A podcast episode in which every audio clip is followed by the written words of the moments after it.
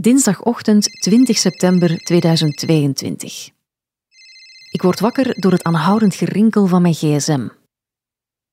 Op het schermpje zie ik de naam van mijn departementshoofd staan. Ik ben op dat moment docent aan een hogeschool. Ik neem op en ik hoor dit. Eva, sorry dat ik je zo vroeg al stoor, maar ik heb minder goed nieuws. Een student heeft klacht ingediend.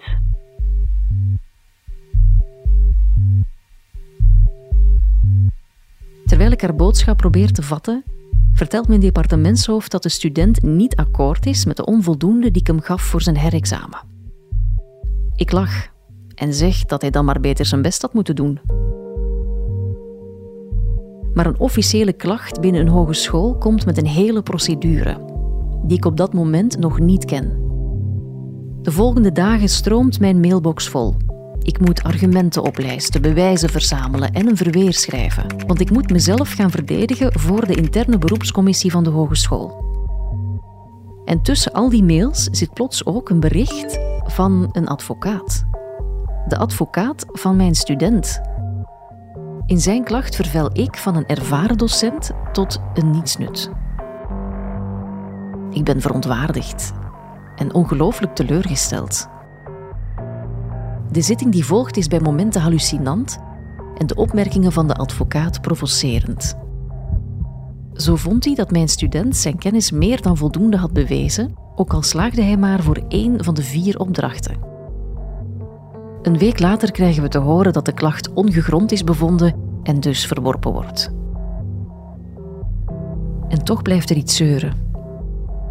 Hoe zijn wij hier beland? Waarom werd dit een discussie over evaluatiecriteria en niet over de kern van de zaak? Of de student klaar was voor het volgende academiejaar? Waarom moest dit uitmonden in een halve rechtszaak met een advocaat? En vooral, was ik een uitzondering?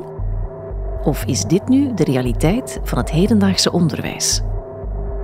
Op het moment dat je die post krijgt van kijk, de advocaat is door uw examen geweest, ja, ik, ik was heel verontwaardigd. Ik, ik werd boos. Dat je dan als leerkracht alsnog de schuld krijgt eigenlijk, hè, van het komt door u. Het gaat wel in één richting hoor. Het wordt in de richting van de school gegooid. Hè. Wat heeft de school niet gedaan? Ouders zeggen niet, wat heeft mijn kind niet gedaan? In deze podcast zoek ik uit waarom meer en meer leerlingen zich niet neerleggen bij een examenresultaat en het oordeel van hun leraren aanvechten. Van de dossiers die ik aanneem, ongeveer drie op de vier zaken winnen we ook. Juichen we deze evolutie naar meer inspraak toe? Voor een bepaald vak hadden we het verkeerde examen gekregen. Dat was niet juist geprint. Dat heeft echt lang geduurd. Ik begreep niks van mijn examen. Of ondermijnen we op deze manier ons eigen onderwijs? Als leerkrachten zich inderdaad beginnen aan te passen aan mogelijke juridische procedures, dan heeft dat een negatieve invloed op de kwaliteit. Ik ben Eva Droogmans en dit is de eerste aflevering van Leraar Overmeesterd.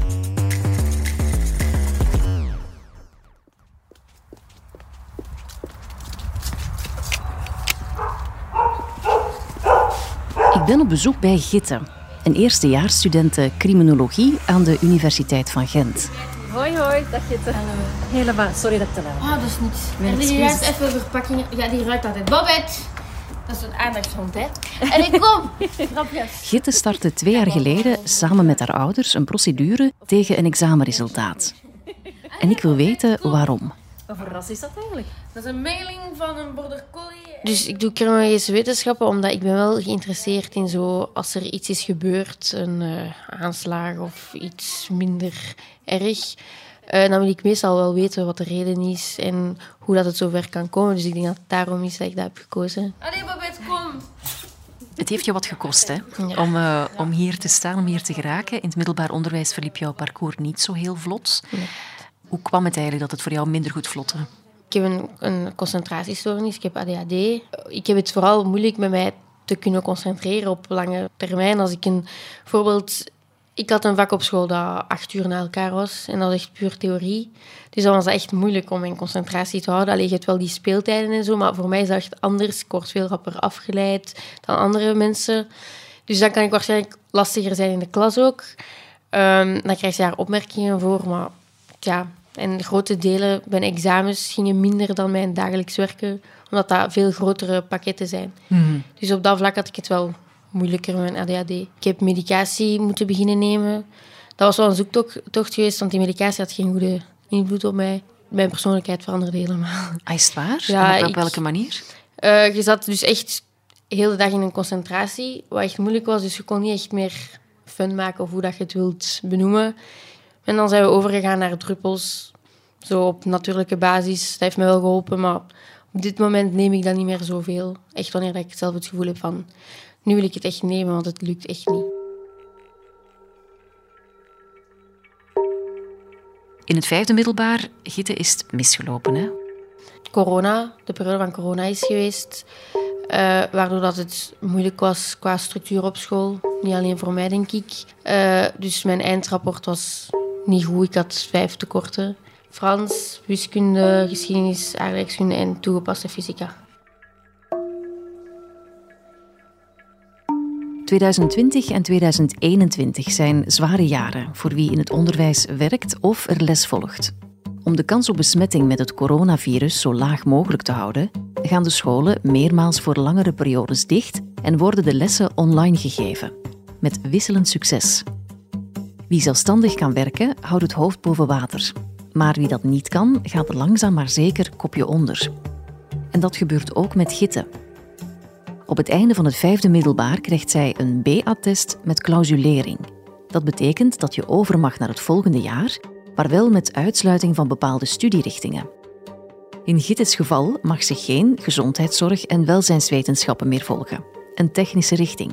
Ze moet naar het beroepsonderwijs. Ik had het heel moeilijk, want ik heb mijn jaar al eens opnieuw gedaan en toen kon ik mij daarbij neerleggen, omdat ik inderdaad zelf ook voelde van dat is het beste. Maar in het vijfde voelde dat niet zo aan, omdat ik echt mijn best had gedaan. Ook met corona was het veel moeilijker. Dus ik voelde wel dat ik minder structuur had en minder hulp van school. Dus ik was niet akkoord met, de, met, de, met het besluit dat school mij gaf. Dus ik was heel verdrietig en dat was niet leuk. Mijn interesse lagen daar niet bij BSO. En in plaats van dat ze dan zien van oké, ze doet haar best, maar het lukt niet, dat de school misschien ergens meer kan zijn van oké, we kunnen haar misschien op dat vlak beter helpen. In de plaats van dat ze te rap zeggen van misschien mogen naar de B-stroom gaan. Ik heb het gevoel dat ze dat alleszins veel te rap zeggen bij sommige mensen in plaats van ondersteuning te geven. Dus de eerste stap dat we hebben gedaan is met de directrice gaan praten. Om te vragen of de klassenraden terug bij je mogen komen. Om te, te bespreken over mijn rapport, of ik herexamens kan doen. Maar dat wou de school niet, of de directrice. Eh, dus zijn we dan in beroep gegaan en naar hogere opties gegaan. Mhm. Jullie hebben ook een advocaat onder de arm genomen. Ja, waarom, waarom dat eigenlijk? Omdat we toch graag inzichten wouden van iemand dat daar bijvoorbeeld veel meer van weet dan mijn ouders of ik. Eh, en zo hulp te gaan zoeken of, of dat we wel een kans hadden of dat wel ergens correct is wat ik voelde, hoe dat het gegaan is of niet. Om dan te kijken of het wel slim was om verder te gaan. Hij heeft ons dan wel gezegd van gewoon puur op mijn punten dat dat logisch is wat de school zegt, maar op basis van mijn speciale, allee, omdat ik een stoornis heb en mijn begeleidingsplan, dat er toch wat dingen fout zijn gelopen, dus dat we daar wel kans op hadden. Dus zijn we er dan voor gegaan. Ik denk dat advocaten niks anders doen dan proberen de regels te laten respecteren. Ik kan als advocaat geen kind laten slagen als de regels dat niet zouden toelaten. Dit is Christophe van Geel, een advocaat die zich gespecialiseerd heeft in onderwijsrecht. En hij heeft, zo zegt hij zelf, meer dan werk genoeg. In mijn praktijk in juni eh, slaap ik zeer weinig en komen hier honderden mensen. Maar echt honderden. Eh, dan werk ik van vijf uur s ochtends tot twee uur s'nachts. nachts. weken aan een stuk. In bijna elk dossier is er iets dat rammelt. Ik zal het zo zeggen, de dossier die ik aanneem. En van de dossiers die ik aanneem, ongeveer drie op de vier zaken winnen we ook. Ja, dat wil dan toch iets zeggen eerder over de kwaliteit waarmee die beslissingen van de klasraad worden genomen, eerder dan over wat de advocaten verzinnen, denk ik dan. Sommige scholen bereiden dat heel grondig voor, een heel jaar door.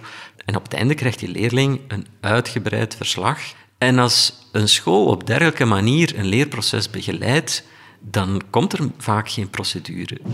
Maar als een leerling op het einde van een jaar totaal onverwacht een C-attest of een, een, zeer strenge uh, clausulering krijgt met drie regeltjes van uh, ja, je had beter je best moeten doen of geen commentaar, dan denken dat mensen dat nog slikken dat lijkt mij ja, eigenlijk uh, ja, een beetje van, de getuige van een zeer bekrompen wereldbeeld. Mensen aanvaarden beslissingen als die um, gedragen zijn doorheen het jaar en als die bevattelijk worden uitgelegd. Beslissingen moeten gewoon gemotiveerd zijn. Die moeten uitleggen waarom men dat doet een jaar langer moeten studeren. Er bestaat een indicatieve tabel, zoals dat heet. Uh, die wordt gebruikt voor um, als u in een ongeval terechtkomt en u, uh, uw been uh, moet geamputeerd worden, heeft een bepaalde waarde.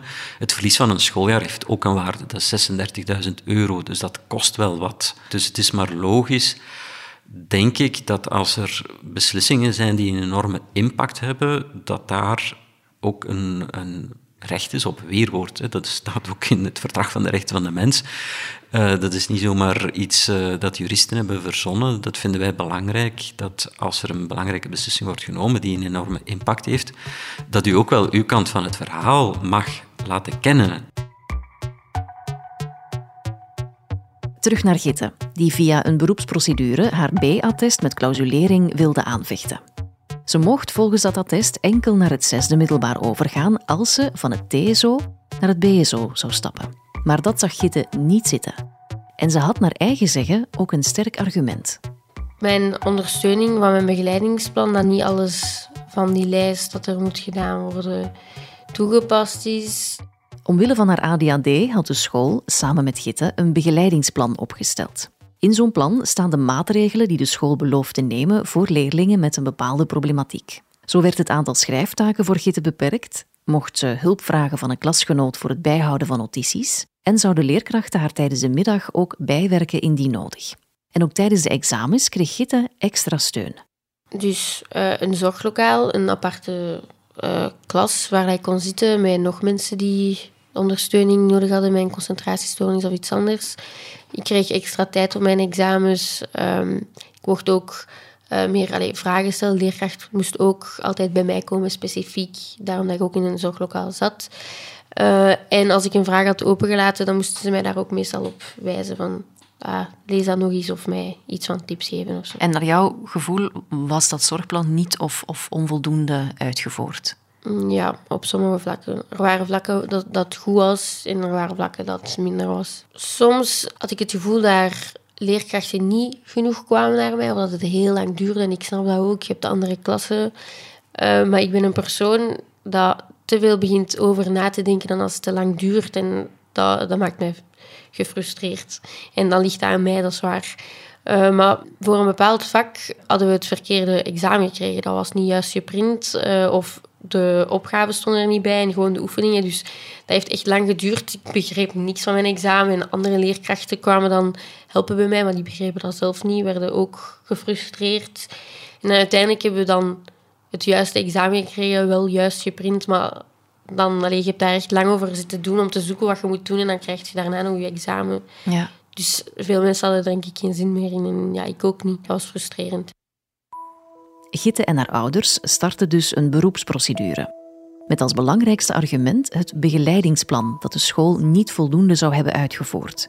Daardoor was Gitte minder goed voorbereid op haar examens, met het gekende resultaat als gevolg. En wat was de uitkomst van die beroepsprocedure uiteindelijk? Uh, mijn beroep is afgewezen geweest door de school, uh, dus zijn we dan naar de Raad van State geweest om daar verder te gaan zoeken naar een oplossing. De Raad van State. Daar kom je als burger niet zo snel mee in contact. De Raad van State is het hoogste rechterlijke college in ons land dat onder meer uitspraken doet over geschillen tussen burgers en de overheid. De Raad kan bestuurshandelingen schorsen als die in strijd zijn met bepaalde rechtsregels. Dan is er nog de procedure bij de Raad van State, een heel bijzondere procedure bij uiterst dringende noodzakelijkheid. Dus dat betekent dat mensen zeer snel uh, moeten handelen. En de Raad van State gaat dan eigenlijk grosso modo na of de ouders, leerling, een antwoord hebben gekregen op hun vragen. En of die antwoorden uh, overeenstemmen met een aantal principes uit het recht. Dus is dat zorgvuldig? Is dat redelijk? Is dat een overeenstemming met de codex secundair onderwijs? Zo'n aantal dingen. Um, als dat niet het geval is, schorst de Raad van State die beslissing. Betekent nog altijd niet dat we een nieuwe beslissing hebben, maar dan keert het terug naar die beroepscommissie. En die moet dan uh, een nieuwe beslissing nemen, rekening houdend met wat de Raad van State daarover heeft gezegd.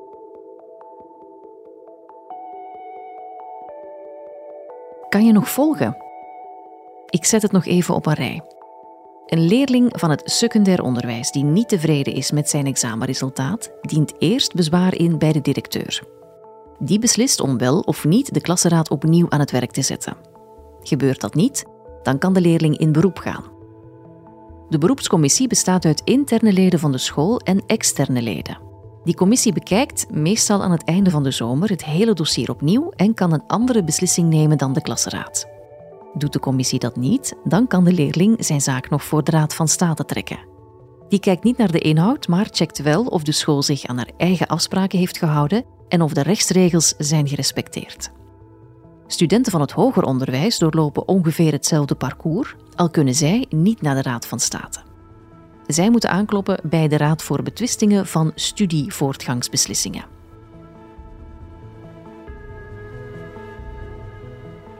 In een eerste en enig middel voert verzoekster de schending aan van de motiveringsplicht. Verzoekster betoogt dat de bestreden beslissing niet antwoordt op haar meest cruciale. Meer bepaald verwijst verzoekster naar haar cruciale vragen over de afgesproken begeleiding van de school. De verwerende partij antwoordt in de nota met opmerkingen dat de positieve evolutie die verzoekster in haar resultaten ziet, niet blijkt uit het dossier dat de examenresultaten weergeeft. Dat arrest van de Raad van State telt 21 pagina's. Ik heb dat eenmaal doorgenomen. En het, het, leest als buitenstaander, moet ik zeggen, als een, een soort wel eens niet te spelletje hè, mm, tussen, tussen jou en de school. De school vond dat er geen positieve evolutie in jouw resultaten was dat jaar. Jij vond van wel. De school vond dat zij genoeg ondersteuning had geboden, maar jij er niet was op ingegaan. Jij vond net het tegenovergestelde. Ja. Vat ik daarmee ook het gevoel samen dat, dat je had al op school mm. zelf? Ja, zeker tijdens dat proces van Raad van State wat ik daar allemaal te horen kwam, alleen niet in persoon, maar van via via, wat de school zei over mij. Ik had juist het gevoel dat ik heel veel deed en veel vroeg van, aan de school via mijn mails. Uh, qua hulp, qua taken. Altijd veel mails sturen, zodat ik het zeker begreep. En dan kreeg ik te horen dat ik te weinig deed en dat ik zelf niks vroeg van ondersteuning. Dus dat was, dat was niet zo fijn om te horen. Um, dus ja, dat was een dubbel gevoel. Hoe heeft die Raad van State uiteindelijk geoordeeld? Uh, dus de Raad van State heeft de beslissing van de beroepscommissie geschorst. En daarna heeft de beroepscommissie het attest moeten aanpassen. Uh, en hierdoor mocht ik dan door naar het zesde jaar um, in de richting waar dat ik al in zat. Gitte werd dus in haar gelijk gesteld. En de Raad van State deed dat om drie redenen. De school had niet gezorgd voor de beloofde ondersteuning tijdens de examens. Op het examen wiskunde werden maar vier van de 41 leerplandoelstellingen getest, waardoor dat examen niet representatief was. En de school had haar eigen beslissing onvoldoende gemotiveerd.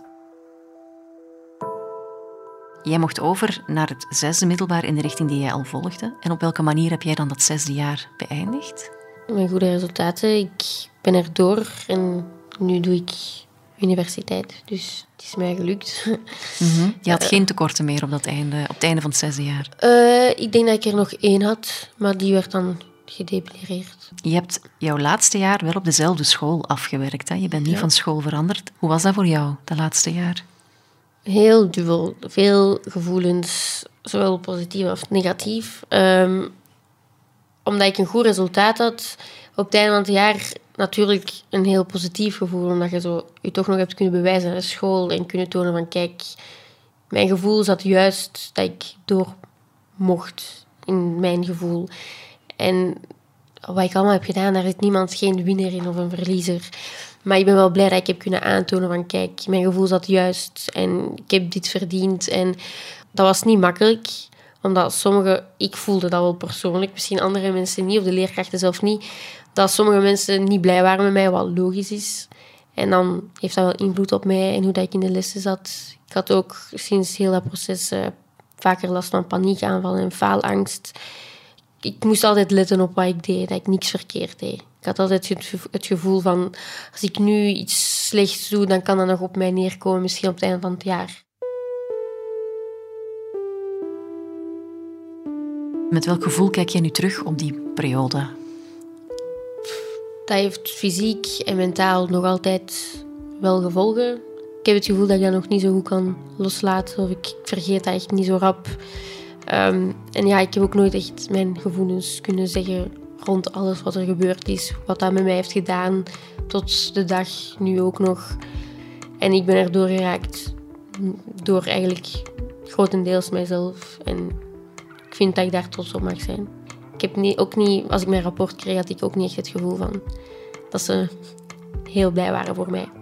Ik heb wel een gesprek gehad uh, met de directrice en die zei wel dat, dat ze het chapeau vond en zo. Wat ik wil appreciëren, maar er waren bijvoorbeeld leerkrachten waar ik dat ook van verwachtte of zo. Of iets meer verwachten van, je hebt dat goed gedaan. En ik, toen ik mijn rapport had, wou ik zo snel mogelijk weg.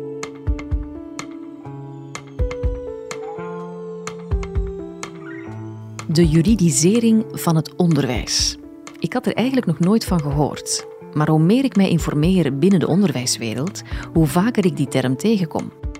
En het is nooit positief bedoeld. Ja, juridisering is het proces waarbij we steeds meer proberen alles wat dat er in die school gebeurt zo nauw mogelijk te vatten in regeltjes, reglementen.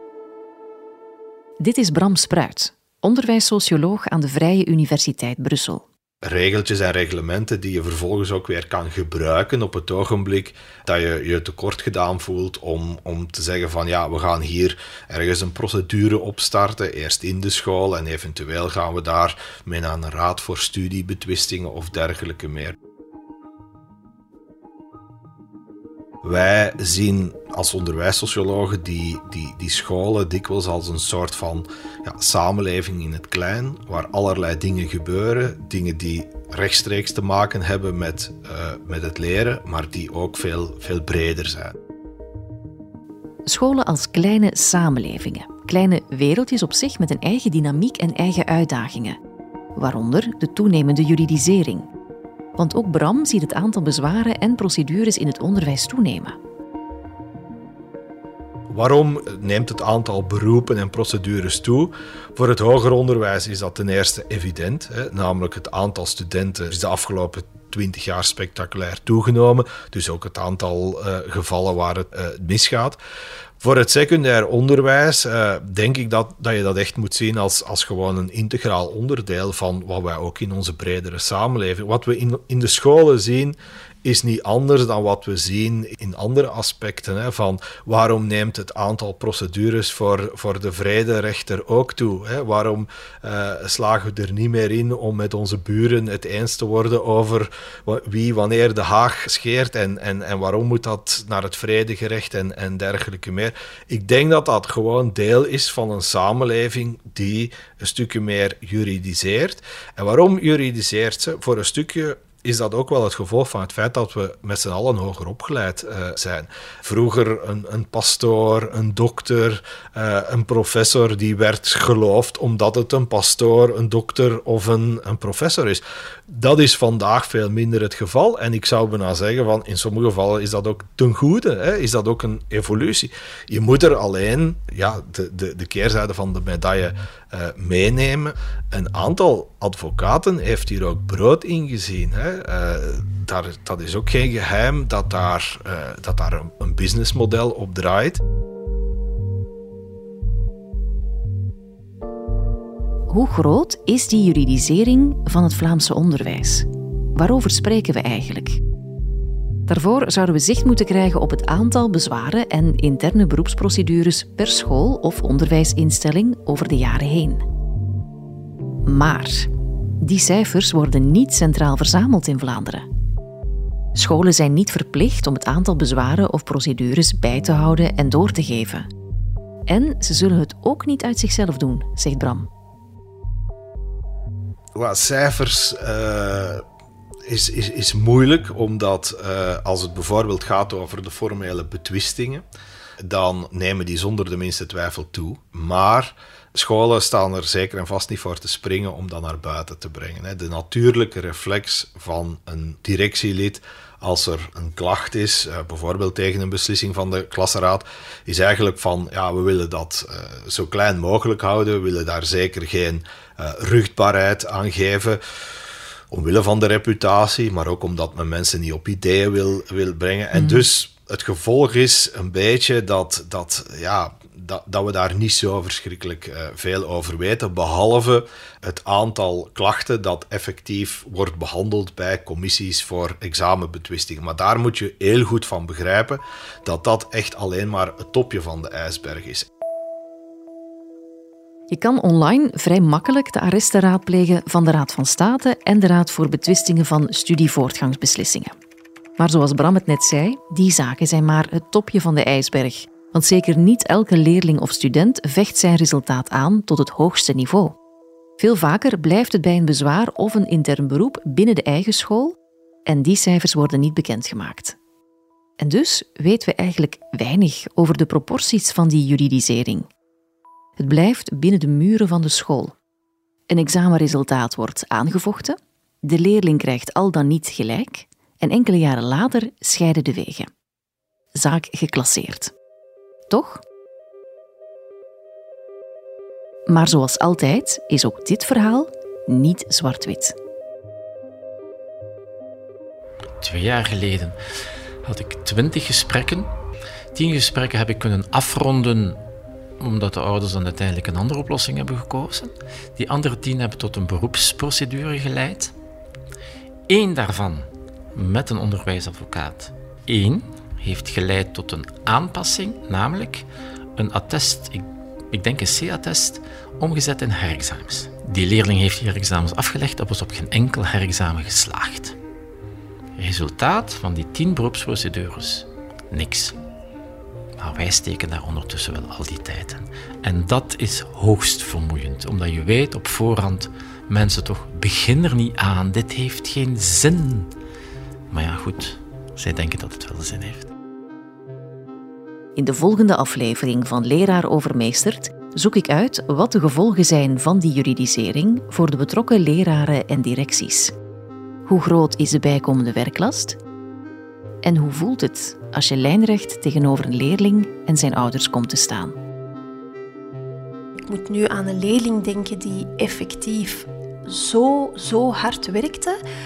Hij zat in een TSO-richting, maar zijn wiskunde was gewoon niet goed genoeg. Die heeft bijles gekregen. We hebben er alles aan gedaan en hij geraakte niet boven de 10%.